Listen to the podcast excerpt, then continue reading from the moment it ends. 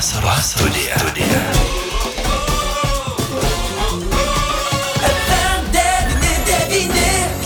Vasaros studija.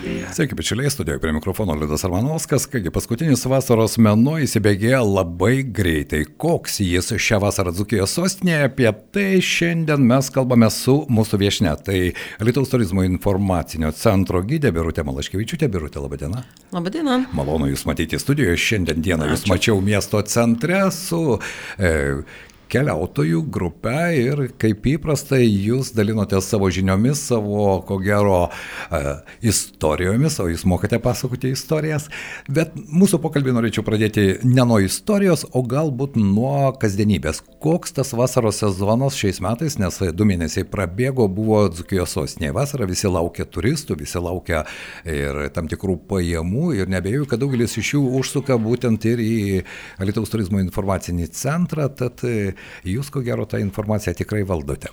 E, Iš tikrųjų, jeigu kalbėti su praėjusiais pandeminiais metais, tai šiemet jaučiasi turizmo atsigavimas.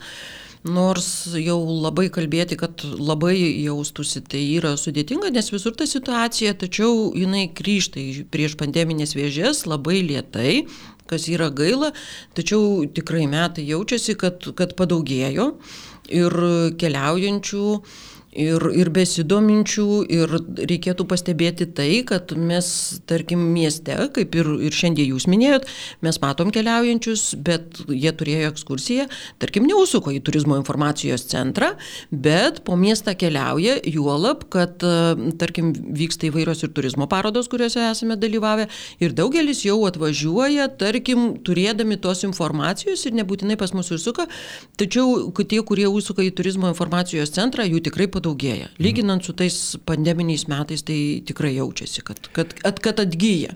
Beje, šiais metais turizmo ekspertai, asociacijų vadovai teigia, jog Lietuva taip ir ne, nesugebėjo galbūt ištranšiuoti tos žinutės, kad Lietuva vis dėlto yra saugi šalis ir tų turistų antplūdžio nėra. Nors tuo pat metu štai žmonės gyvenantis druskininkuose sako ir vokiečiai, ir Izraelio piliečiai, na ir lenkai, jie į druskininkus vis tiek atvažiuoja. Tad ar jūs pajutote, jog galbūt užsienio turistų tas srautas šiais metais tikrai mažesnis.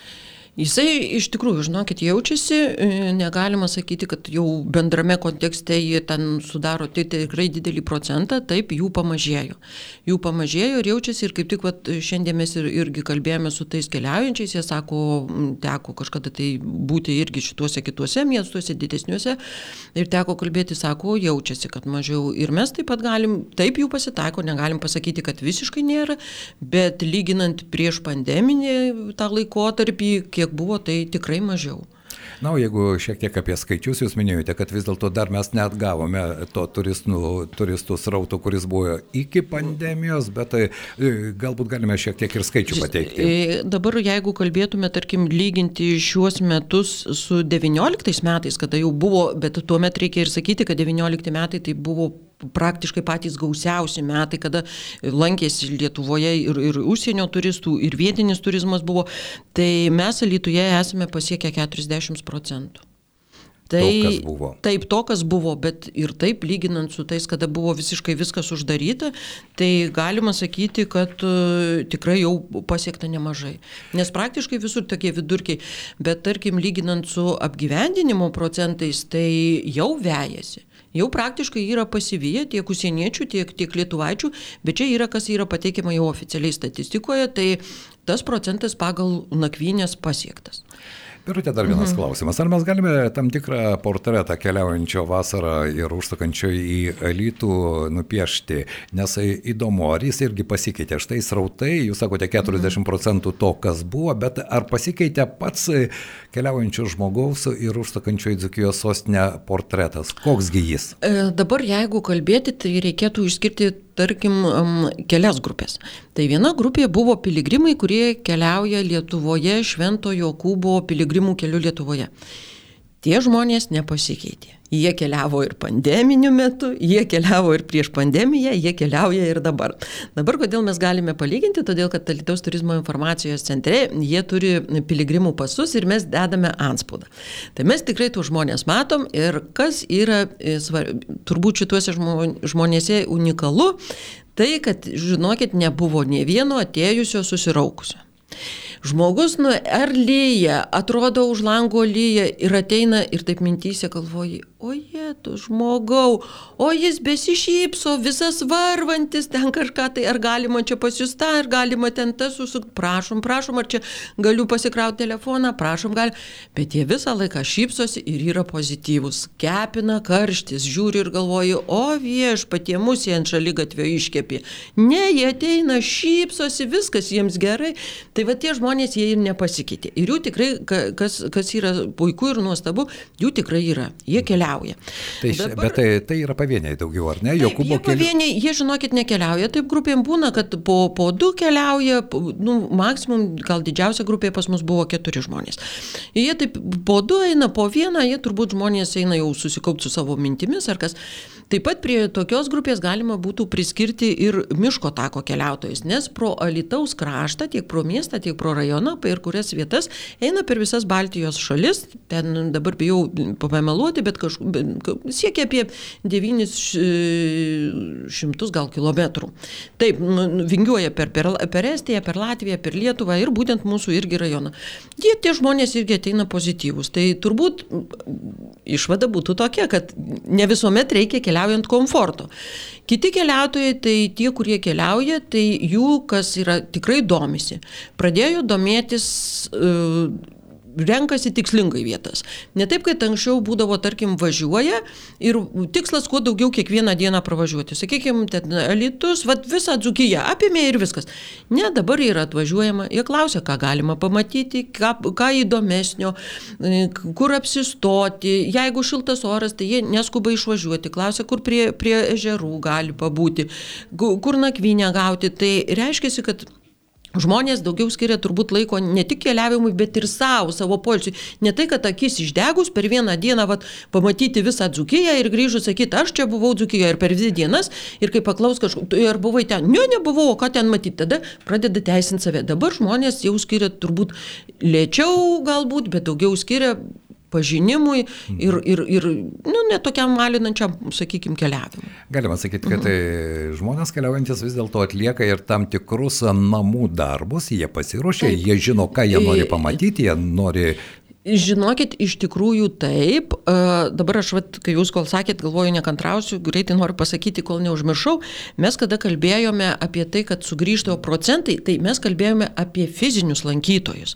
Tie, kurie fiziškai apsilankė centre, bet tarkim, jeigu mes kalbėtume apie tuos dalykus, kiek pas mus padaugėjo interneto, Facebook'o, Instagramo lankytojų, tai tikrai tas siekia labai didelį, tarkim, padaugėjo, padaugėjo, tarkim, yra ir 60 procentų apsilankimo. Kas, tai reiškia, kad žmonės, jie nebūtinai užsuka fiziškai, bet jie vienu žodžiu, jau kaip ir jūs minėjote, aš už tai sakau ir dar kartą pasikartosiu, kad skubėjau papildyti, galvoju, nes tikrai užmiršiu, tai tikrai va, tas virtualus lankymas, e, juolab, kad mes skelbėm per, per irgi įvairias ir turistinės svetainės informaciją apie mūsų įvairius objektus, kur galime va, tuos akcentus išdėliojame, ką galima pamatyti. Tai, tarkim, žmogus vienas buvo irgi, kuris sakė, aš čia va tik tokią žinutę pamačiau apie jūs ten, apie kažkokį tai objektą ar apie akmenį buvo ir galvoju, ale tai visai nieko, pradėjau domėti, žiūriu pas jūs internete ten tų akmenų daugiau, mitologinių. Ar kas, tai va, užtenka kartais to vieno kabliuko ir dabar jau tiesiog mes gyvename tokią laikmetį, kad nebūtinai tu fiziškai turi skambučių padaugėjo. Tikrai jeigu anuomet būdavo kažkas tai atvažiavęs ateina ir ten aš jau čia ar kas. Ne, dabar būna pasiskambina, mane domintų, ar jūs turit medžiagos apie tą, ar jūs galėtumėt plačiau papasakoti. Ir iš karto kitas klausimas būna, ar tai, ką jūs man pasakysit ir parodysit, aš galiu surasti pas jūs puslapyje. Jeigu aš galiu, viskas. Ir tas yra kitas dalykas. Pas mus, tarkim, na, kaip vis tiek turizmo informacijos centras, jis turi darbo laiką. Jis negali dirbti nei 12 nakties, nei, nei, nei tarkim, 10 vakaro. Tai būna, kas mes turime prie turizmo informacijos centro specialius, specialius, specialias lentynėlės, kur paliekame, paliekame informaciją ir užsienio kalbomis, ir lietuvių kalbomis. Ir tikrai nėra taip, kad e, nereiktų jų papildyti. Tikrai tenka papildyti ir kitas dalykas, mes, kada yra vasaros sezonas, tai mes dirbame ir šeštadieniais, ir sekmadieniais, ir visomis švenčių dienomis. Tai kartais yra tas, kad švenčių dienomis netgi žmonės įpratę, kad tarkim ar nedirba kažkas ar ką, Tai matai, kad lentynėlėse renkasi ir paskui truktų už durų ir sako, oi, net nesitikėjom. Tai prašau, tokie dalykai būna. Tai, kaip sakiau, tie vi, išaugo virtualaus besidomėjimo tikrai procentai. Na, o dabar, gerbiamą birutę, dar pabandykime pakalbėti apie objektus.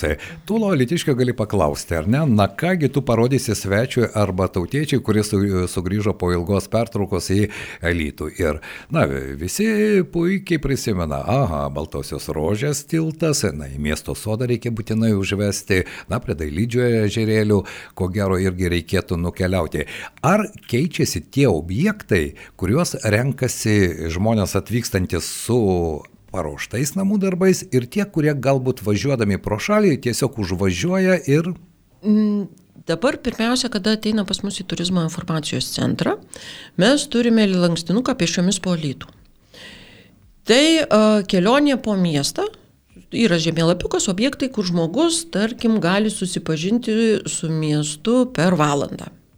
Jeigu ten užeina į vieną kitą muziejų, kažkur tai tai užtrunka ilgiau, bet tarkim labai daugelis ir ką noriu dar pasakyti, e, bėgant metams pastebėta tokia tendencija, kad žmonės tampa drąsesni.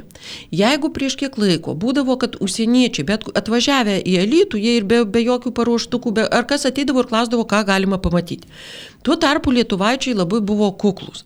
Dabar, tarkim, netgi ir ateina ir sako, aš esu vadybininkas, va čia mes su kolegom dar kolega turi, aš dabar turiu pusę valandos, ką aš galiu pamatyti.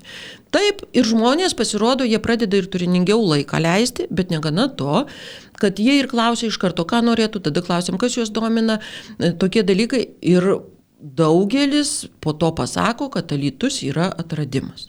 Mes bet ir ši, su šiandieninė grupė, kurią jūs, kai sakėte, tai buvo žmonės iš Vilniaus, iš Kauno, tikrai iš didesnių miestų, būkime atviri. Ir žiūrėjau ir vienas sakė, man alytus tapo atradimu. Sako, aš nesitikėjau, m, kažkada tai pravažiavęs ar buvo, ar kas sako, aš nesitikėjau, mano lytus tapo atradimu. Tai tikrai yra žalis, sako, švarus, prižiūrėta, visur gražu ir kas nespės. Ir po miesto sodą, po miesto centrą vaikštinėjom, ten senamišio skveras, e, kiti objektai. Ir sako, žinokit, tikrai tapo atradimas ir aš buvau nustebusi, nes paprastai nebūna ten tų klausimų, greitai atsirado klausimų ar kas. Tai dabar iš tokių naujesnių objektų, e, mes kuomet aš irgi mūsų grupė, grupiai šiandieniniai pasiūliau, sakau, apsilankome muziejuje. Ir žinot, taip ir skeptiškai, nes mums visą laiką muziejus asocijuojasi. Lyg kažkokia tai, kaip būna priklijuotos trys nuotraukos, apačioj užrašai, vienas senas rakandas, kažkas. Apdulkėję vitrinos. Apdulkėję vitrinos, ten daug dievė, kad vitrinuose dar stiklai būtų. Ir viskas. O aš sakau, žinokit, yra modernus ir yra muziejui negana to dar namas name, nes yra Dzūko sodyba, XIX amžiaus pabaiga, XX pradžia. Ir mes taip pasikalbėjom, kadangi turėjom vis tiek tokį daug gan ribotą laiką, sakau, mes tik užsukam pasižiūrėti tą ir ką jūs manot. Aš juos iškrapščiau iš to muziejaus, todėl kad ta Dzūko sodyba, po to buvo mm, karčiamos maketas. Jie, pradė, jie susidomėjo, jie susidomėjo ir tikrai vienas sako, bet jūs teisybę sakėt, namas name, kaip čia gali būti, receptai, juolab yra labai nuostabus dalykas, kad viską galima liesti, kur nėra tik tai padėta lentelė, nelieskite ir kas. Ir nuostabu, kad toje ekspozicijoje praktiškai viskas galima liesti. Tai, tai yra labai daug kas ir visi išėjo ir taip sako, nu nesitikėjom. Birutė dar vienas, mhm. aš suprantu, mes dabar bandome tą top trečiau mhm. trejetuką sudėti populiariausių objektų. Man įdomu, e, štai Senoji sinagoga, dabar audiovizualių mhm. menų centras. Kaip jis, ar jis patenka jau dabar į tų lankytinų arba mėgstamų objektų sąrašą? Jisai patenka. Žinokit, lygiai tas, tas pats yra ir su jaunimo parku. Tai yra labai tik, tikrai nu, įvairios diskusijos vyksta ar kas, bet tarkim šeimos su vaikais. Tai šeimos su vaikais tikrai juos atranda, tą jaunimo parką. Ir atvažiuoja ir pas mus ten sako ir apie voverytę skaitėm, ir apie tas jūsų skulptūras, bet ir gyvas, ir kur čia ir kas, ir nueina į tą jaunimo parką ir žinokit, lieka sužavėti.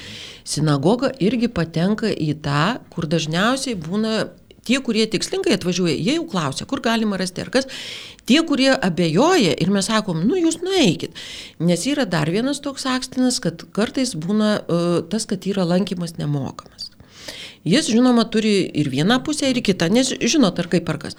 Bet tie, kurie abejoja, jie irgi lieka, būna po to kartais vieni užsuka, kiti ne, būna palieka, kad kažkur viešoje erdvėje atsiliepimus. Jie, žinokit, lieka maloniai nustebinti.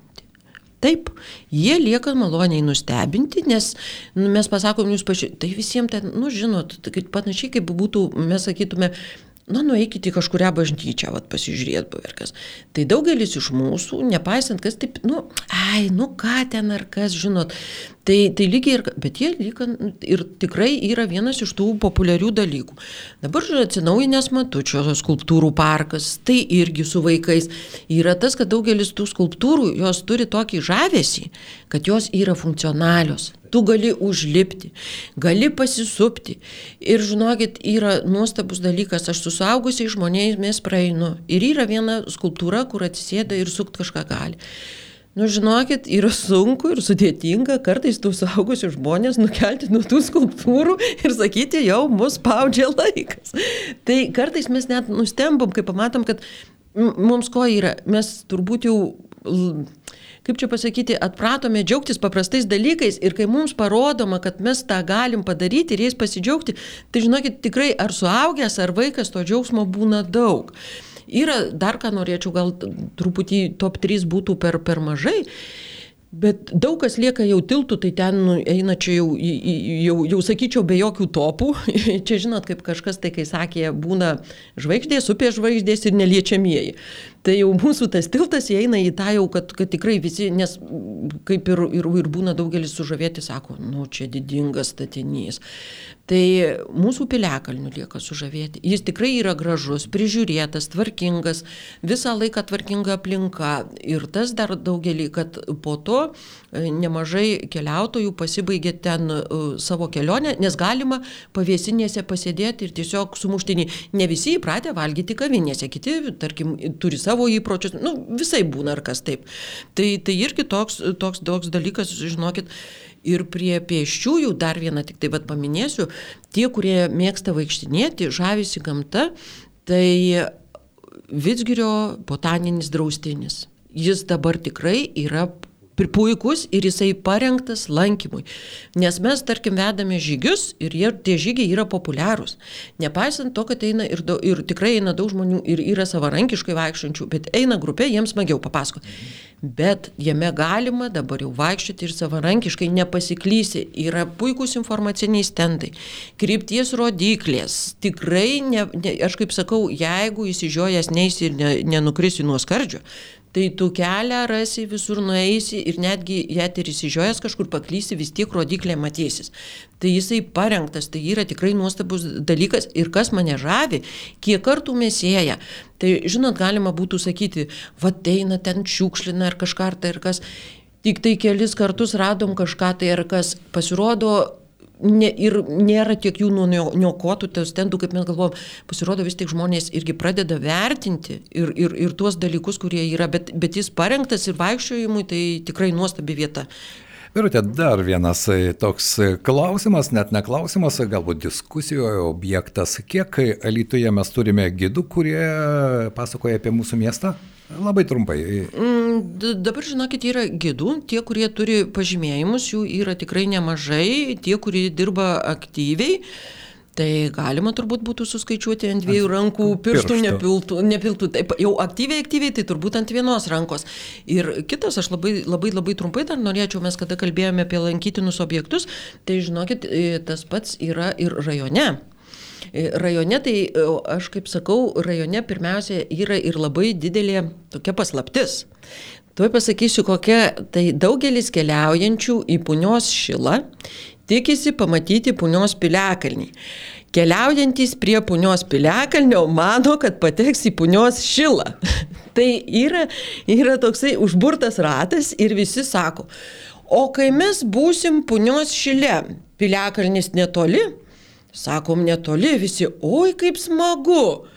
Bet sakom, jūs pamatysit jį tik iš toli, o tai ką, įkopti negalima? Jis kitam nemuno krante. Ką jūs sakot? Ir lygiai tas visiems asocijuojasi, todėl kad iš tikrųjų užkopus į ponios piliakalnį nuostabi matosi ponios šilo panorama, o nuo ponios šilo šimtamečių ažuolų alėjos matosi piliakalnis, bet įkopti neįmanoma. Ir šiemet piliakalnis jisai atsinaujino. Jisai yra įrengta sustojimo aikštelės, e, poilsio aikštelės, yra laiptai, galima apeiti, tikrai pritaikytis ir visiškai kitaip, jeigu anuomet tik tai pasiryždavo tie, kurie jau labai norėjo kažką pamatyti ir, ir savom kojom čiuožė, lipo, žiūrėjo, tai dabar to visiškai nereikia, jis pritaikytas ir e, Butrimonys jau e, seniai su savo fontanu viliojo, bet šiemet jie turi naują akcentą. Tai būtent Sendos Berenson paminklas. Tai paminklas man tai labai jisai yra žavingas, kad e, tai moteris, kuri sukūrė moterų krepšinio taisyklės, parašė ir buvo pradininkė. E, tikrai, kada vyko pirmosios varžybos, tai kaip, kaip rašė nuomet spauda, tai užsienio spauda, bet jie rašė, kad buvo pilna salė prisilipus, net persikarę per turėklus ir tose varžybose nebuvo nei vieno vyro. Kadangi moterų apranga sijonai per vos vos dengė kelius. Tai tiems laikams tai buvo jau, jau kažkas neįtikėtino, bet jinai pirmoji ir jinai buvo, kadangi gimus ir sulaukusi septyniarių metų, su tėvais išvyko į, į Ameriką ir išvyko į Ameriką ir ta skulptūra jinai žavinga tų, ne tai, kad kaip mes įpratę kažkas pompastiško, laikytų kamolį ar ką, bet tai yra maža mergytė su kamoliu, kuri būdama septyniarių išvyko. Ir ta skulptūra jinai, žinokit, yra interaktyvi, todėl kad yra šalia krepšinio kamolys, galima mesti į krepšinį pabandyti ir kaip pirmosiomis varžybomis buvo, jūs pataikote į krepšinį ir jums kamuolys neiškrenta, todėl kad reikia patemti už virvutės ir atsidaro tinklelis. Tai ta skulptūra irgi daugelį pradėjo sužavėjo, kurie ten arkas. Na ir toksai gaunasi savotiškas žiedinis trikampis, mes kaip juokajom, tai būtų pune, raižiai, e, atsiprašau, pune, butrimonys raižiai, su, su raižiai, su, su yra su medinė mečete kaip tie, kurie jau lankosi rytų valstybėse, tai sako mūsų kukli, bet unikalu tai, kad yra nedidelis kaimas ir jis iki šiandien išlaikęs, tai nėra tik tai statinys. Žinoma, renkasi jie į savaitę vieną kartą, jau kaip sako, sus, turi suvažiu, atvažiuoti ir iš alytaus, jau vietinių tiek neužtenka, bet vis tiek jis tai, tai yra gyvas organizmas.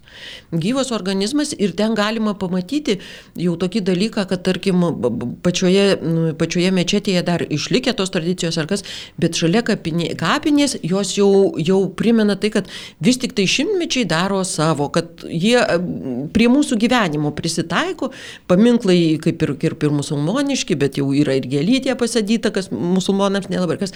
Tai yra toksai, mes galime sakyti, labai toks įdomus tas, tas kraštas, nes mes per vieną dieną galim tiek kultūrų aplankyti, tiek pamatyti, toksai dabar paskutiniu metu atradimas tampa Nemunaitis. Taip. E, be jokios abejonės, mes galime čia kalbėti apie tos lankytinius objektus. Jų yra labai daug. E, Birutė, kodėl aš mhm. paklausiau uh -huh. apie gidus? Man atrodo, kad kiekvienas miestelėnas galėtų ir turėtų iš esmės būti savo miesto gidu, ar ne? E, kodėl aš taip sakau? Na, bent jau žinoti tuos pagrindinius dalykus, kartais man atrodo, kad mes gyvendami mieste žinome mažiau negu žmonės, kurie atvažiuoja į mūsų miestą paruošę namų darbus. Štai šiandien teko kalbėti su miesto centre, atsiranda Loretos galerija ir sako, kaip malonu, sakau, kodėl centre kur kas bus smagiau. Taip, sako, nes žmonės užeina ir jie ne tik užeina į galeriją, bet jie užeina paklausti. Ar jums netrodo, kad štai miesto centras, aš kalbu apie Rotušės mhm. aikštę, na, iš esmės jis turėtų būti kitoks. Koks jūsų įspūdis? Mm, žinokit, yra kaip Aš kaip sakau, kiekvienam laikmečiui yra savas laikas. Tai turbūt kaip ir kiekvienam objektui irgi ateina savas laikas ir kaip jūs sakot, jau vat atsiranda, žiūrėkit, kaip ir Loretos galerija. Jie visi puikiai mieste žinojo, ar kas, bet atėjo tas laikas, kada jinai nori keltis į centrą. Vadinasi, atėjo kažkoks pokytis. Atsirado postumis, Dabar, e, žiūrėkit, buvo ilgą laiką kalbama ir, ir žadama, kad miesto, tarkim, rotušės aikštėje atsiras ta meilės lentelė. Ar kas jau dar vienas objektas. Tai aš manau, kad tiesiog kartais mes kai kuriuos dalykus per greitai forsuojam. Jie e, yra pokyčiai būtini, na kaip mes neišvengsim jų, mes netgi jeigu ir nenorim, mes jų neišvengsim. Pokyčiai ateina, bet kartais jie galbūt turi ateiti natūraliai. Ir ateina ir štai, man tai tarkim, Rotušės aikštėje buvo labai labai žavingas dalykas, kada stovėjo rožinis dramblys. Jisai kiekvienam turistui kėlė šypseną. Ir kadangi ta istorija, tai buvo rožinis dramblys, mes iš karto, tai aš apie svajoklį žmogų sakom, tai va, rožinis dramblys, tai ir kas. Ir mes eidavom, sugalvodavom norus, glostydavom tą dramblį ir ne, nepaisant to, kokie žmonės būdavo. Aš kaip sakau, buvo ir, ir, ir turėjom rokerių, rokeriai atidarė savo sezoną Vilniaus ir jie nu, kiekvienais metais kažkur atvažiuoja ir atvažiavo į Vilnių. Atsiprašau, iš Vilniaus į Elitų. Ir žinokit, e, toks dalykas vyrai, augaloti. Ar kas ir glosto tą dramblį. Glosto su vienas garsiai, ko nori, kitas ne. Nueinam ir žiūrim ta, tas burelis, kuris liko nepaglostęs, nes turbūt nu, kaip yra nelygis prie visų, mums nueinant vis tiek patapšnoja. Tai vadinasi, kažkas yra ir, ir, ir buvo tikrai, va tas va buvo tikrai žavinga, nes jisai matėsi iš toli, buvo patrauklus, galima iš karto sukurti, va tą, kad jūs sugalvokit norą, nes tai buvo žmogaus noras, rožinė svajonė, ten, žinoma, jinai savai pliūdna buvo, nes mes ten jau žinom visi vietinį tą, tą istoriją, bet mes ir sakom, tai vadinasi vis tiek pildo norus jai. Ir tada atsiranda pa žmonės norus šypsena glostom ar kas. Tai, tai va toksai dalykas. Tai, tai aš manau, kad laikui bėgant jinai pasikeis ir tie pokyčiai jie turi būti, vykti, mes, nes mes negalim stovėti vienoje vietoje. Ir kažkas turbūt atsiras natūraliai, kažkas gal bus sugalvota, nes, tarkim, daugelį dalykų pasižiūrėkit, mes pradžioje, kad ir naujovės, kai būna, sakom, ne, ne, ne, ne, ne, mes čia ne, o po to pažiūrėkit, kaip pamėgstama. Ir mūsų pokalbio pabaigoje, nes su Birutė galima kalbėti valandų valandomis, aš vis dėlto norėčiau jūsų paklausti. Visą laiką sulaukėte, nebejoju, to grįžtamojo ryšio, lydėdami žmonės atvykstančius į mūsų miestą. Mes kalbėjome apie e, lankomiausių objektų top 3, bet jis žinoma kur kas didesnis. Norėčiau e, paklausti jūsų labai lakoniškai apie jūsų pasakojimas istorijas ir jūsų nuomonę pati populiariausia istorija, kuri nepalieka abejingų. O tų istorijų žinau, kad jūs žinote ne vieną, ne dvi ir ne tris. Tad kokia ypatinga pati populiariausia tarp svečių atvykstančių į Elitų? Žinot, kaip yra. Yra tos istorijos įvairiausios. Tai daugelį yra tos istorijos, kurios sukelia juoką. Ir tos istorijos, kurios nesusijęs ne, truputį ne, ne visuomet su faktais, tai ta istorija, kuri nepalieka abejingų ir visi nusišypso, tai kada mes būname prie tilto, nes ne visuomet, tie, kurie prie tilto vykstama visuomet su grupėmis, prie piliakalnio jau kurie renkasi ar kas, nes nuo tilto labai puikiai panorama atsiveria, bet ta istorija, nes visi, visus sužavi ženklas Alitus myliu, kurį parodom, Ir tuomet miesto istorija irgi prasidėjo, miesto vardo istorija prasidėjo irgi nuo meilės istorijos, kaip alitai įsimylėjo mirgrausėlę, alitai žuvus mirgrausėlė verkė, iš ašarų pradėjo tekėti upelis, e, upelį pavadino alitupiu, jau alitos garbiai, šalia įsikūrusi alitumi. Ir visi žiūri taip, tikrai graži meilės istorija. Ir aš tamet sakau, kad tie, kurie ieško antros pusės arba galvoja keisti antrąją pusę, Tame upelėje gyvena stebuklingos varlės. Pagavus varlę tame upelėje prausėme burną ir bučiuojame. Jeigu varlė stebuklinga, jūs gausit antrąją pusę, jeigu varlė nestebuklinga, tai bus jau bučiuota varlė ir labai populiari tarp savų. O moralas yra toks, kad bučiniais dalinkime su visais ir nebūkime egoistais. Labai graži istorija, nebejoju, todėl ji ir tokia patraukli yra. Ir paskutinis mūsų pokalbio klausimas, Brutė, ar žinote, ar Lietuvoje yra žmogus, kurio vardas yra Alytis, Alytus, Alytupis? Mm, Aš žinokit, man tekė tik tai vienas žmogus, kurio šiaip vardas nebuvo tuo, jis buvo Alius, bet jis man taip sakė, kad mama jį mažą būdavo vadino Alytėliu. Jo vardas buvo Alius, tai aš nežinau kiek ar tiek, asmeniškai aš nepažįstu. Žinau, kad vienas? Lietuvoje toks yra. Birutė Malaškevičiūtė šiandien buvo mūsų studijoje. Man e, visada įdomu su jumis pabendrauti ir aš tikiuosi, kad kiekvienas alitiškis e, iš tikrųjų gali būti savo miesto ambasadoriumi, pasakoti apie tą miestą, susikurti savo istorijas. Galbūt ne visos jos turės realų pagrindą, bet e, sutikite su to, kad miestas gyvas tol, kol gyvos istorijos, o jos tikrai reikalingos kiekvienam miestui ir kiekvienam miesto gyventojui. Iš tikrųjų taip, ir kaip jūs sakot, ne visuomet, galbūt kartais va, ta graži istorija, kaip ir aš sakau, truputį yra realybės, truputį ne, bet kad jinai priverstų nusišypsoti, nes žmogus iš- išvažiavęs iš to miesto, jeigu yra ne miestietis ar kas, jisai besišypsodamas kažkas pasakys, bučinys sakys, jo, taigi alytus, ir va ten va ar kas. Tai turi ir kiekvienas žmogus, tik tai aš noriu tą pasakyti, kad bus tuo met savo, sakykime, miesto gidas, ambasadorius, jeigu jis tą miestą vertins. Ir jisai jaus kažkokius sentimentus, gražius prisiminimus ir tuomet, nes žinot, tų ambasadorių gali būti visokių, tai mes norim, kad jie būtų su, su gražiais prisiminimais ir tikrai pasakotų, o taip kiekvienas, nes, vat, liudai, ir jūs įsiveskim į gatvę ir jūs irgi galėtumėt pabūti gidas kažkam, kažką paklausti. Ir tas yra įdomu, kad, e, tarkim, tie, kurie gidai yra profesionalai ar kas, mes jau vis tiek pasakojom tas istorijas, kurios yra siejamos vis tiek daugiau su faktais, susiję kažkiek imam emocinių, paimam iš kažkokio, kad ir linksmesnių dalykų. Ten, tarkim, buvo kažkoks viešbutis New Yorkas, kiek ten kainavo apsistoti jame, kiek ten kas, kodėl ten moderniausias ar ką. O žmogus, eilinis žmogus, jisai pasakos per savo pojūčius ir potyrius. Ir tai, pu- tai, tai pasakojimas jisai irgi yra labai vertingas, todėl kad žmogus tada įsijaučia. Ir jisai vat, per save perteikė visą miestą. Tai kartais tie pasakojimai tikrai yra daug vertingesni negu vien faktų bėrimas, nes kaip mes ir buvom, kartais būna pas mus paskambina ir sako, norėtume mes istorijos, bet žinokit, datų nenorim. Vat norim, kad jūs papasakotumėte apie miestą, bet tik tai nepasakokit, nes žmonės ne visada jie, tie, kurie profesionalai, jie atvažiuoja, jie taip domisi, bet daugelis atvažiuoja įsivežti gražių emocijų. Ir vad, kaip sakot, kiekvienas per save pasakodamas, jis tikrai suteikia emocijas.